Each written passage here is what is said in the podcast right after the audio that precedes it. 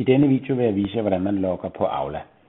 For at øh, kunne logge på Aula, skal man have sat en app op til telefonen, og hvis man ikke har sat en app op på telefonen, så kan man se, hvordan man gør det i en anden video.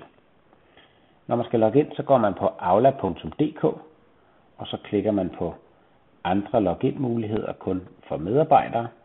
Så trykker man på kommunal IDP, og hernede skal man så vælge sin kommune. Der vælger jeg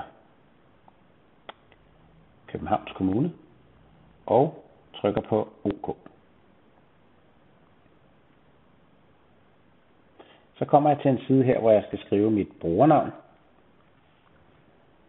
snabelag, undervisning.kk.dk. Trykker på næste. Så taster jeg min adgangskode og klikker på log på. Så får jeg så her en besked om, at jeg skal godkende logon-anmodning. Det her, jeg skal have fat i appen på telefonen. Så øh, jeg skal over på telefonen, og så skal jeg have godkendt øh, på, på appen. Over på min telefon kommer der så en push-besked om, at jeg skal godkende øh, logon. Jeg trykker på den, og står der, vil du godkende logon, og jeg klikker på godkend.